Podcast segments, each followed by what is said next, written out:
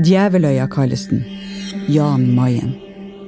Og hver sjette måned sendes en ny liten gruppe av forsvarsfolk og meteorologer til Forsvarets stasjon her. Da har vi overtatt øyen. Vi er jo aleine.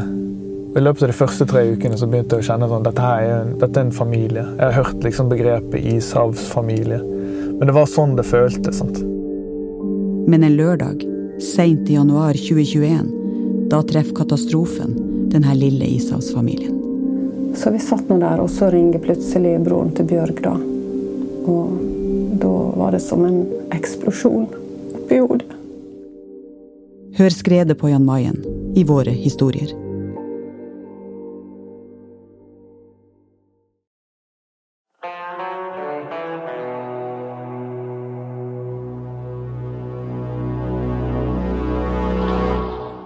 Hvem er de usynlige soldatene som opererer selvstendig bak fiendens linjer? De du aldri ser, men som skal se alt.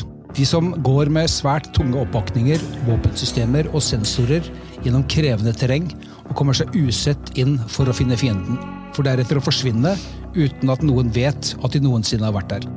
Feltoperatøren eller fjernoppklaringssoldatene er Hærens øyne og ører.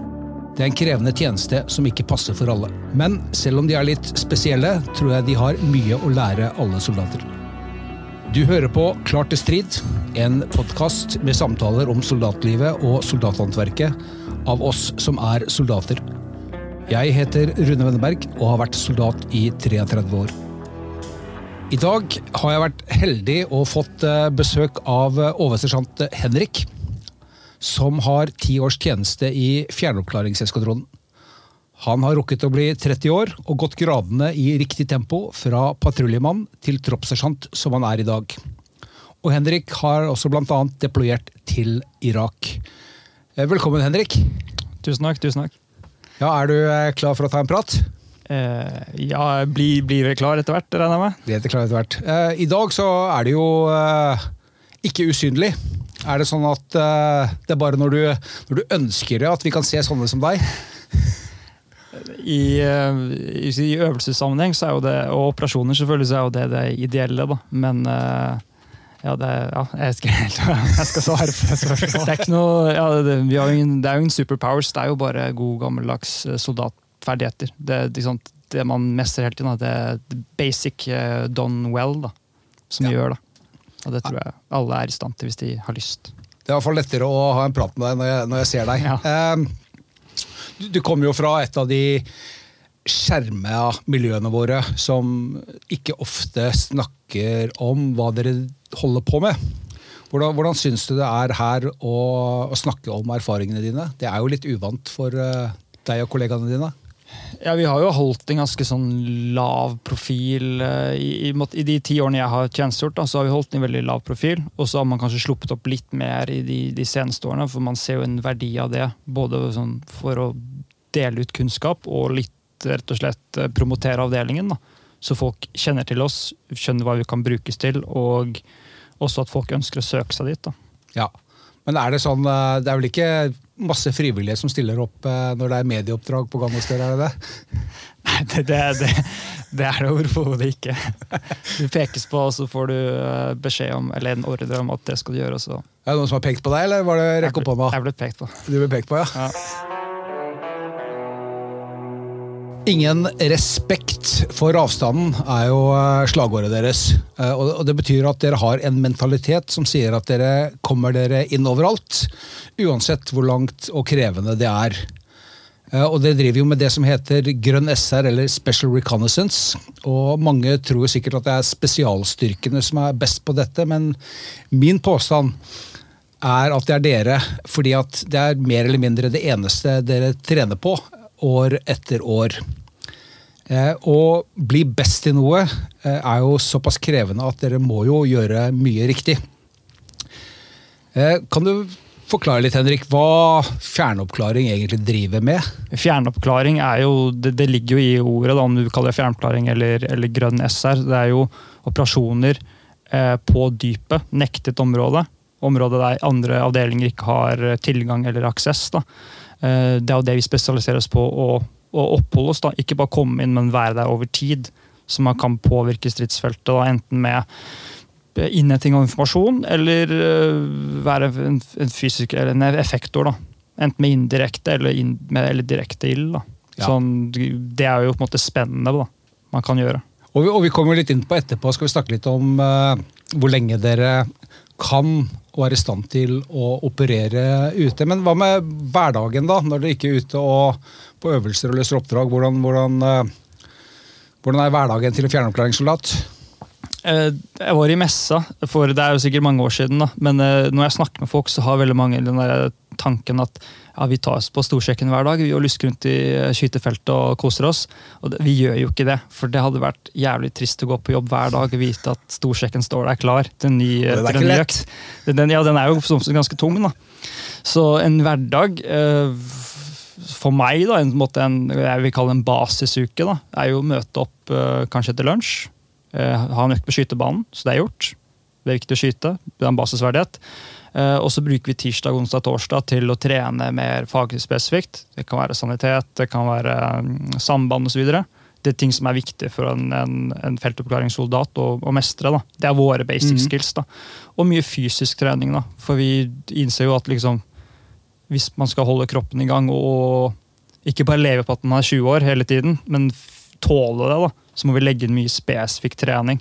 Så den er også veldig styrt da, fra eh, avdelingens del. Man, man trener ikke bare som man vil. Man har på en måte en eh, eh, Du får spesifikt du må jobbe med dette, og så trener du på det opp mot jobben. da. Eh, og Sånn kan en vanlig uke se ut. Og så har du andre spekter, så er det jo øvelse og eh, ikke fullt kaos, men eh, masse action. Og det er jo de jeg, jeg liker veldig godt at det går Du har rolige uker, og så har du ekstremt intensive, høyintensive uker, og så har du kanskje en liten ferie, og sånn går året. da. Og Mm. Det trives jeg veldig godt med, og de fleste som har jobbet der lenge, trives godt med den rytmen. da. Så slipper man disse groundhog-dagene. Ja, ikke, Det er ikke så altfor mange av dem, i hvert fall. Nei. Men som, som, som om, dere er jo blant de beste i verden på det dere driver med. Hvordan, eh, hvordan klarer dere å bli så gode? Eh, Det begynner jo med seleksjon og grunnutdanning. da. Både for vernepliktige og for, eh, for verva, da, sånn profesjonelle soldater. Eh, Og det er jo et lite nåløye å komme gjennom. da. Det er jo ikke for hvem som helst.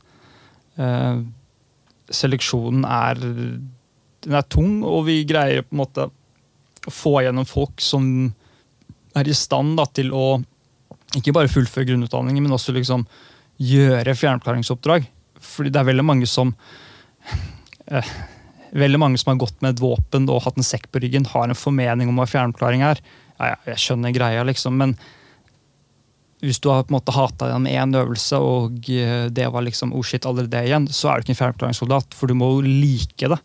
Du må komme ut av det med litt mestringsfølelse. av herregud, det her var ikke noe, ja Det var tungt tidvis, men jeg sitter med godfølelse. da. Og det er jo på en måte noe man prøver å dyrke gjennom hele grunnutdanningen. At man skal føle mestring og bli litt bedre hele tiden. Og så, så, og så pusher man grensene hele tiden, og til slutt så sitter man igjen da med ja, gå 100 dager. Ja, liksom, det i seg selv er ikke avskrekkende, da. Ja, det er liksom en måte Avstanden og tiden skal ikke være en faktor som begrenser oss. da. Og da har vi ikke lagt på stridsmiljøet ennå, for det du må jo tåle alt det eh, du må, du må greie å ikke bare overleve, men liksom jeg finner ikke bedre ord, men thrive da, i miljøet du skal operere i over lang lang tid. Og når du er i stand til det, så kan du, da har du overskudd til å drive faktisk eh, oppdragsløsning. da. Men er det sånn eh, Er de folka født med den robustheten, eller eh, blir man sånn hos dere? Jeg kan jo bruke meg selv som eksempel. Eh, Jeg tror ikke jeg var eh, om, I hvert fall når jeg kom i Forsvaret, i førstegangstjenesten, så tror ikke jeg jeg var ikke Guds gave til Forsvaret. Det var jeg ikke. Jeg, Sånn som i dag. sånn som i dag, ja. Men det har jo vært en gradvis en tilvenningsprosess. da. Men det er kanskje litt den derre at man ønsker å utfordre seg selv, som er litt eh, ja. essensen. da. Um, og litt gullfisk, kanskje. Så man, man husker alt det koselige, og så glemmer man det vonde. Jeg har gått på mange øvelser som har vært kliss like, men hver, hver gang jeg skal på neste øvelse, tenker jeg at nå skal jeg gjøre det litt bedre. Det blir litt bedre denne gangen. akkurat det skal jeg få til bedre denne gangen. Og så motiverer jeg meg selv med det. da. Um, og så Neste gang så husker jeg bare alt det bra med øvelsen og glemmer alt som er dritt. og Ja, fantastisk var, egenskap hos Ja, mennesker, den gullfiskmekanismen. Ja. Og så evnen til å tåle mye ubehag over tid, da.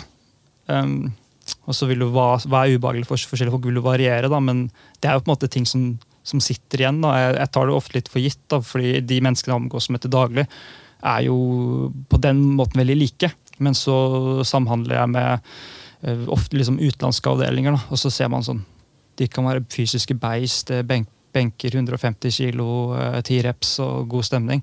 Men så er de ute og bærer tung sekk i noen dager, og så kreperer de. da. Og så er det litt vinter eh, rundt Ja, i kanskje òg. Ja, det, ja, men vinteren selvfølgelig, da, da forsvinner det jo veldig fort. Folk er jo folk, om du er nordmann e- eller fra et annet land. Eh, Vi vi må gjøre noe annerledes for å klare å skape såpass robuste soldater. Hva, Eh, hva ser du har vært forskjellen? Eh, verneplikten er jo veldig viktig, Ja. fordi at man får jo tilgang til utrolig mange flinke folk som kanskje aldri ville tenkt tanken Forsvaret. Så, så, måte, vi har jo folk som de står på en måte Skal jeg bli eh, skal jeg jobbe i TNB-en, eller skal jeg ta profesjonsutdanning psykologi? Du får ikke dem i eller Du får kanskje færre av dem da, i våre allierte, alliertes militære styrker. da. Mens vi har tilgang på mange av de liksom, man si, kremene av norsk ungdom. da. Mange av dem, i hvert fall. Jeg snakker med mine utenlandske kollegaer, så er det utrolig mange som misunner oss vår måte å drive verneplikt på. Det at vi bruker ja, i praksis av norsk ungdom, som, som vi utdanner, grunnutdanner og deretter rekrutterer videre. Det, det er altså et av våre største konkurransefortrinn. Det, det er jeg heldig overbevist om. Hva slags, eh, hva slags type mennesker er de eh, som lykkes hos dere? Eh, det er jo veldig varierende. Sånn, vi har jo folk fra Hammerfest til Oslo som jobber i avdelingen per dags dato. Men det er jo det eh, Essensen er jo på en måte litt eventyrlystne. Har lyst til å utfordre seg selv. Eh, man har et minimum med robusthet fra før av. Eh, og så er det evnen å greie å motivere seg gjennom veldig mye ubehag. da. Og den siste tingen da, som man kanskje glemmer litt, er jo at folk må jo være eh, ikke bare villige til det, men være i stand til å ta til seg mye læring. Både, sånn, både tjenesten og utdanningsåret det er jo ganske intensivt. da. Ja. Og kravet til soldater er jo ok, du må kunne være der, men også kunne løse oppdrag. Og da må du ta til deg mye, lære mye prosedyrer, teknikker, duppeditter osv. Hvis du har alle de tingene der, og motivasjon, da, så, så har du, kommer du ganske langt. da. Kan du forklare kort hvordan eh, seleksjonsprosessen og utdannelsen er frem til man er operativ hos dere? Seleksjonen er jo en treukers seleksjon, eh, som er eh, eh, altså, Må ikke røpe altfor mye, da. Folk må jo Nei, ja, Men eh, det er jo ingen Noen hemmelighet at, overraskelser når de kommer. ja, det er ingen hemmelighet at man må jo eh, tåle å gå litt. Eh, med ryggsekk. Eh, så, på en måte Hvis du mestrer det, og generelt ellers er i god fysisk forfatning, og innehar de andre eh, måte, egenskapene jeg nevnte tidligere, så har du gått på vei. da. Og så er det noen sånne småting som vil bli testet underveis, som det er vanskelig å forberede, forberede, forberede seg på. Så, som er litt sånn spesifikt for det militære yrket. da, Så jeg skal ikke sånn røpe nøyaktig hvordan, de, hvordan det testes. Eh, men hvis du evner det, og liksom møter motstand med ikke nødvendigvis et smil, men greier å fokusere, sette deg kortsiktige mål osv., så, videre, så, så, så kommer du gjennom seleksjonen. Og så begynner jo grunnutdanningen, da, som er Jeg husker ikke nøyaktig lengde på det, men det er vel, si ett år. da. Om, om det er tolv eller elleve måneder, er ikke så veldig viktig. Eh, og da trener man måte, Hvis det er det som skiller fjernoppklaring fra andre avdelinger, da, så er jo det Kanskje med unntak av spesialstyrkene, så er det måte mengden tid man bruker ute. da. Eh, den der måte, robustheten og evnen til å liksom At avstanden og tiden og eh, ytre påvirkning i form av vær, vind, temperatur, det skal ikke påvirke din eh, evne til å løse oppdraget. da. Det, det, det, måte, kanskje det er essensen av det man skal sitte igjen med etter grunnutdanningen. Det, er lov å være våt, det er lov å være kald, det er lov å være sliten og trøtt. Men du skal bounce tilbake fra det her og fortsette å løse oppdraget. da. Vi soldater er jo eh, opptatt av utstyr og, og kit. Hva, hva, hva, slags utstyr er det dere i fjernopplæring bruker? Ja, det, det, er egentlig litt uh, Det kjedelige svaret er vi bruker mye av det samme som alle andre bruker. Det er ikke noe sånn uh, uh, egen fjernforklaringspakke. Eller selvfølgelig, det finnes jo enkeltting. Ryggsekker, eh, signaturdemper, sånne, sånne små, små, eh, småting. Men det store og hele, da, sånn, vi snakker PBU, så er det veldig likt eh, som resten av eh, da. Um, hvis du tenker mer på sånn samband og sånt, så har vi jo tilgang til en del eh, måte uten å røpe for mye, da, men vi har jo mange forskjellige sambandsbærere som fungerer på forskjellige måter for å kunne løse forskjellige typer oppdrag under forskjellige typer hva man kalle fiendebilder. da. Mm. Så der har vi jo Det er vi tørret på så vi er ganske privilegert der, da. På sambandsfronten. Og som du snakka om, krever en ganske høy teknisk innsikt og, og det å ja. kunne ja, lære seg å beherske dette her. når jeg begynte så det er eh, når jeg, når jeg, når jeg begynte, da, så, uh, så var det var mye sambandsmidler, men det blir flere. Uh, og når man tillegg skal legge på hele Fires-konseptet, så blir det enda mer. da. Så vi bruker mye tid på å utdanne sambandsmennene våre. Og det gjør vi primært uh, mye med intern kursing. da. Ja. for å være sambandsmann i fjernklaring er jo Nå er det sikkert noen som blir veldig fornøyd siden jeg sier det, men det er jo på en måte den viktigste jobben uten samband. Så... Får kjeft når du kommer hjem nå? Ja, eller Jeg får ikke kjeft, jeg kommer til å få high five fra ja, okay, noen, og så er det noen som kommer til å være uenig. Men det er jo, hvis man ikke har samband, så er, bare, så er det bare en patrulje med folk som er på ikke bærtur, da, men for å kunne på en måte fungere i et system, så må man jo kunne snakke med hverandre. Ja. Um, så det går mye tid til samband. Er det mye kjeft å få hvis ikke sambandet funker, eller? Kjeft, det, er, det er lite kjeft i, i, i avdelingen, men ja, det, er, det, er, kjipt når noen uh, du måte ser litt opp til og syns er bra, blir litt ordentlig skuffet over deg. Da. Det er, jo, sånn, det er sånn Hvis du trenger kjeft for å bli motivert, så, så passer kanskje ikke feil avdeling. Ja, da er du feil avdeling, ja. Mens liksom, en ordentlig skuffet sjef det pleier som oftest å være nok. Da. Det funker. Ja, det funker. Jeg er veldig veldig skuffet. Ja. Um, for oss er det jo viktig å, å, klare å beholde folk lengst mulig. Eh, og jeg vet at dere har ganske høy ståtid. Folk blir en stund hos dere. Hva, hva, hva tror du er årsaken til at folk trives og velger et, et krevende soldatyrke på, på Setermoen? Eh, for meg, da, kan si, for meg personlig, så er det to ting da, hovedsakelig. Eh, det ene er miljøet. Vi er jo en liten avdeling.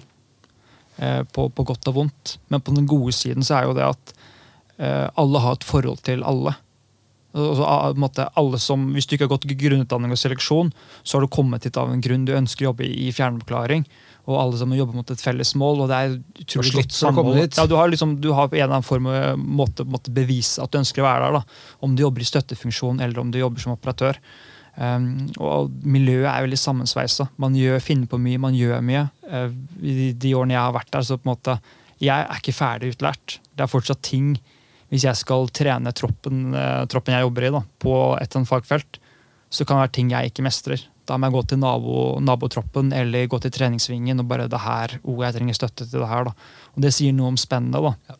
Uh, er? Jeg, jeg, kan ikke alt. Og når den ene dagen så man, eh, er man i skytehuset i Ramsund, og andre dagen så henger man i en, en isfoss og kjenner krampen kommer i armen og begynner å bli redd for å falle, så, så, måte, så er det utrolig varierende. da. Eh, og det syns jeg er gøy. da. Det er liksom aldri et år som er likt. Hva er det du liker best å gjøre, da? Hva er det morsomste? Hvis jeg si En enkel ting, da. Så jeg syns skyting er utrolig gøy. Det, det, det, er gøy å skyte. tror jeg de fleste, de fleste som jobber i Forsvaret, i hvert fall i Hæren, syns det, det, er gøy å skyte. Så en annen form og farge som involverer eh, litt god skytterredning, syns jeg er veldig stas. Men jeg er også veldig glad i å generelt bare hva skal jeg si da, gå på ski eller klatre. eller eh, så, så, jeg får jo egentlig drevet med hobbyen min, hobbyene mine på jobb, da, for jeg ja. gjør jo akkurat det samme på fritiden. 21 dager er det lengste jeg har vært på øvelse i Norge sammenhengende. Og det syns jeg var lenge. Og da ble vi jevnlig etterforsynt og hadde muligheten til å restituere underveis.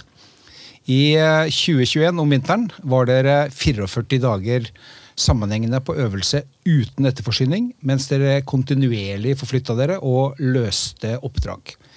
Det kan jeg godt tenke meg å høre litt mer om.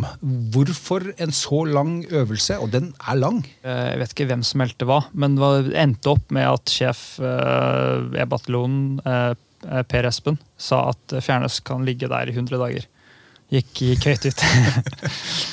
og så kom det jo trilte her ned til oss. da, så sånn, ja, få de liksom, Dere skal gjøre det. Ok. Og så måtte man se på, på tiden. altså så at er 100 dager, det, det har vi ikke tid til rett og slett å gjennomføre. Da. Så reduserte man ambisjonene. Men det begynte rett og slett for at man skulle demonstrere, eh, både for andre og for oss selv, da, eh, at det er mulig å gjennomføre. Eh, og hva det eventuelt krever. da.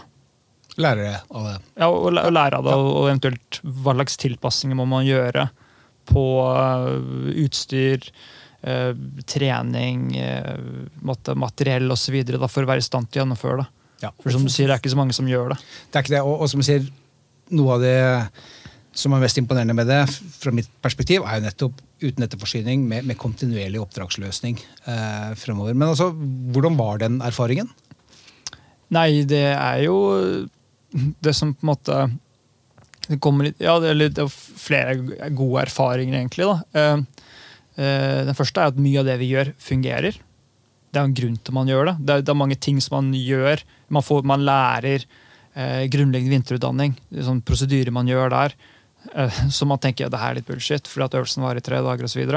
Men når du pusher den øvelsen da, forbi ti dager, forbi eh, 20 dager osv., så, videre, så begynner man å se verdien av mye av det det der basale greiene som man bruker tid på. da. Ja, det, er, for det, er, for det er som man sier uh, i Forsvaret, altså øvelsen må være så lang at detaljene blir viktige. Ja, og med 44 dager, da, så får du sett, sett, verdien av det. da. Det må jo ha vært en bra slankekur òg? Ja, vi hadde med oss eksterne eksperter da, som testet oss både før og etter. Og så så man jo på en måte både med kroppssammensetning og fysisk yteevne. da. Og det man ser, er jo at eh, eller det vi så, da, var jo at øh, fysisk yteevne i form av kondisjon gikk opp på mhm. samtlige. Og det syns jeg fascinerende, for vi har jo et par av de gutta som var med ut, er ekstremt spreke. Og de ble bedre til å løpe av å være 44 dager på øvelse. Mm. Mens vi hadde en liten reduksjon i, i muskelmasse og eksplosiv eh, styrke. da, Maksstyrke. Så, så dere kjørte utholdenhets- og styrketester når dere kom inn? med andre da? Yes, på direkten. Når du bor, eh, Selv om dere kjenner hverandre godt, må jo gå tom for ting å snakke om på en sånn tur? Eller blir man ikke det? Vi tok inn litt liksom, eksterne eksperter, bl.a. en uh, polfarer med bakgrunn fra MJK. Um, og uh, der fikk vi noen sånne, litt sånn tips da, som vi prøver å innarbeide. Og en av de var jo faktisk å skrive dagbok. For å aktivere hodet litt på noe annet. Mm. Og der ble det skrevet uh, mye, mye, mye, morsomt. Det var på en måte spennende. Det ene, ene, er på en måte nesten en novelle om hvordan dagen var. Og så har du det andre spennende, så er det på en måte Null klikk på minnet min i dag. I dag var en bra dag. Så det er liksom Det er forskjell på folk, da. Men um, det var jo en ting som ble gjort for å uh, For at folk ikke skal uh, liksom, både holde seg aktive og uh, kanskje få litt tid til seg selv. Ja. For det er det man måtte mangler. da, den der, evnen til å kunne bare forsvinne helt og bare være sin egen sfære. Det har, den luksusen har man ikke. Og da ble jo på en måte den dagboken for de som trengte det, da, en mulighet til å bare være alene da, på slutten, av, eh, på slutten av dagen eller midt på dagen, eller når man hadde tid. Da. Det, det jeg syns er uh, litt, litt, kult, og som vi måtte ble, ble, introdusert, eller ikke introdusert for med, med uh, fra denne polfareren, da, er det at når han gikk på tur, om det var 100 dager, 80 dager eller whatnot, så brukte han første to ukene kanskje, eller én til to uker på å komme seg inn i det. Eh, og så var det på en måte flytsone i midten. Der er liksom, ja, Du kan ha dårlige dager, gode dager, og så videre, men det er flytsonen. Og så nærmer du deg slutten, og da begynner du å, savne hjemme. da. Da begynner du å snart ferdig, og så videre. Da. Og for veldig mange da, så var det Man kjente seg vel igjen. da. At liksom starten var liksom komme inn i det, og så kommer du inn i det. Ting går greit, man får, en, får noen rutiner osv. Man bruker litt tid på det. Og så kommer flytsonen, og så begynner man å skjønne at nå, nå nærmer det seg kanskje slutten. og sånt, og Da må man begynne å tenke på, på, på hjem. da. Og det er det som gjør at jeg føler at jeg kan si med ganske god trygd at, at vi kunne vært 90 dager. Eh, fordi at jeg, jeg og de fleste har jo kjent på det samme at en nattøvelse på 10-14 dager okay, Du begynner litt i starten, litt rusten, så kommer du inn i det, og så begynner det nærme seg siste dagen, begynner du å glede deg til å bli ferdig. Og det blir akkurat det samme, da, bare du forlenger det. Mm. Så bare den flytsonen blir bare mye mye større.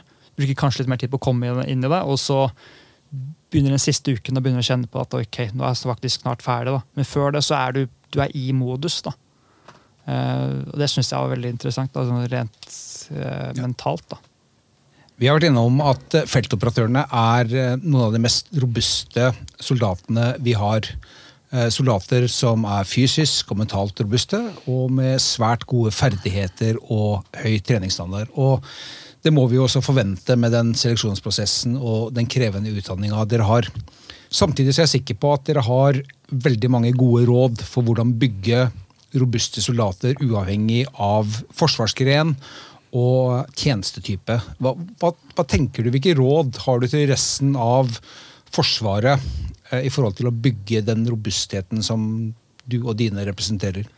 Eh, ja, nå skal jeg eh, stjele et råd som jeg hørte på, på VBU. eh, eller fra tidligere forsvarssjefsersjant eh, Ingar Lund. Eh, og Han nevnte jo det at når han drev grunnutdanning for FSK, da, så var han veldig opptatt av at alt skal ende med på en måte eh, en godfølelse. da. Måte, man, man, man, man skal ikke pushe strikken hver gang. Man skal ende opp når man måte avslutter dagen eller aktiviteten, så skal man ha en god gjennomføring. Eh, og når jeg ser tilbake på eh, det jeg har drevet med i lang lang tid, så er det jo på en måte Jeg kjenner meg igjen. da. Jeg har kanskje ikke vært så bevisst på det, da. men eh, jeg ser jo på en måte at det er også noe vi i stor grad har praktisert. Og det er kanskje viktigere at folk, hvis du skal bygge robusthet, eh, så må folk få litt mestring. Hvis folk alltid føler at det her greide jeg så vidt, og så får de ikke noe pust, eller de får ikke en positiv opplevelse med det, så blir det bare en kjip greie. Du, du må liksom lære deg å like det på en eller annen måte. Og, det er og, det er jo ikke alle som syns at kjipe soldatgreier er eh, fantastisk gøy å gjøre. Så da må man på en eller annen måte greie å krydre til at den der eventen man gjorde som var kanskje litt ubehagelig, enten mentalt eller fysisk, må avsluttes på en eller annen måte som gjør at man sitter med et eller annet positivt. da. Mm. For da har man lyst til å på en måte Kanskje ikke gjenta det med det første, men da, kan, da har man noe å bygge på. da. Du, du var litt innom motivasjon. Motivasjon er selvsagt viktig for, for å bli god, men min påstand er jo at selvdisiplin er viktigere. altså det å, En ting er å ha lyst og være villig til å gjøre noe, en annen ting er jo å faktisk gjøre det som er riktig, gang etter gang. Hvordan jobber dere med selvdisiplin? Det å altså fortsette å jobbe med det grunnleggende over tid. Du har vært innom stopp når, når du mestrer det, men altså andre ting du tenker på rundt bygge selvdisiplin, kjøre på med det kjedelige over tid?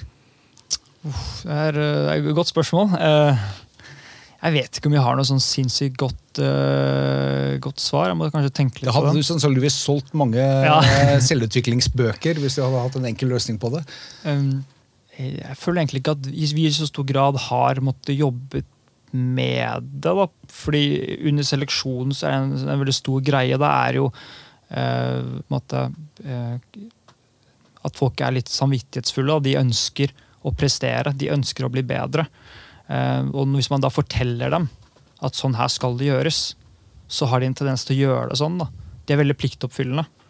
Um, så hvis jeg sier nå skal jeg ut og løpe 1000-metere, det er ikke alle som liker det. Men det blir gjort. De, de møter opp på tid. Det er liksom Jeg tar det litt som Kanskje ikke en selvfølge, men eh, jeg har jo på en måte det privilegiet at de fleste som eh, møter opp, har allerede vist en, vis, en form for selvdisiplin. Og så kan vi jobbe videre på det. da. Eh, eh, men noen sånn der super oppskrift, det, det tar jeg, har jeg ikke, Nei. dessverre. Og det er ikke sikkert den fins heller. Nei, det, Eh, Et annet problem, eller utfordring vi, vi har, er jo at um, vi sliter mye med, med belastningsskader hos, uh, hos, soldatene våre. Uh, man trener hardt over tid. Hvordan jobber dere for å holde folk friske og skadefrie? Ja, Det har jo vært en ganske stor utvikling. Uh, når jeg begynte, så var det ikke noe spesielt godt system. skal jeg innrømme. Folk var spreke, man forventet at de var spreke, og så det var det, egentlig. Og så gjorde man litt det man ville. Um, men så var det jeg husker ikke hvor lenge siden og hvilke personer det var snakk om. Men det var et eller annet for samarbeid som Forsvaret hadde med Norges idrettshøgskole, hvis jeg ikke husker helt feil. Jeg husker dessverre ikke navnet, men en eller annen styrkeguru der da, som hadde en doktorgrad eller mastergrad innenfor styrketrening. Uh, og så begynte vi som smått med det, det her, da, fordi uh, styrketrening Sånn at jeg ikke snakker styrketrening opp for mye, men en sterk kropp er jo en sunn kropp. Eh, og så har vi jobbet, på, jobbet utover der da, til å, at vi bruker mye tid på fysisk trening fordi at det gir skadefrie soldater og robuste soldater i form av en robust fysikk som tåler mye. Da. Og det er jo ikke målet at alle sammen skal løpe 9,30 på 3000 meter, eller at alle skal uh, makse masse i, i, benkpressen, men bare at man skal, skal tåle soldatyrket over tid. Ja. Så det er en sånn uh, måte bringe toppidretten litt inn i soldatyrket. da. At trening og restitusjon, og ha en balanse mellom det. Og velge å faktisk prioritere fysisk trening også. Noe av det jeg ønsker å snakke mer om i fremtiden på, på denne podkasten, er lederskap. Um, og vi kan avslutte litt der hos, uh, hos deg òg. Um, ehm, spesielt miljø, høye krav. Um, hva slags type lederskap er det du setter pris på, og som motiverer deg og får deg til å yte godt? I, i, i Fjernesk så løser vi alltid alt, eller det meste vi løser, løser vi jo i team. da. Eh, og som leder i Fjernklubben, enten som sjef for eskadronen eller som patruljefører, da, så må du være klar over at de under, under deg besitter mye kompetanse. Og besitter kanskje ofte kompetanse du ikke har. Så du må lede på eh, en gjeng med spesialister som er bedre i deg i veldig mye rart. da. Eh, og det er jo på en måte man kan ikke komme inn i Fjernplan og tenke at nå skal jeg revolusjonere alt. I form av at jeg er, en, øh, jeg er flinkest i alt. Den, den, den, lederen tror jeg ikke fins. Fordi fagfeltet er såpass bredt. Ehm, så en leder som gir mye tillit, og inkluderer folk i beslutninger, det er, det er viktig som å, å, i fjernforklaring. Både liksom, patruljenivå og høyere oppover. Ehm, men det finnes jo selvfølgelig også situasjoner der man som leder i fjernklaring må være i stand til å bryte gjennom. God gammeldags eh, jeg vet ikke om man sier det lenge på befalsskolen, men A-ledelse, så het det mm. når jeg eh, gikk BS for veldig lenge siden. Ja.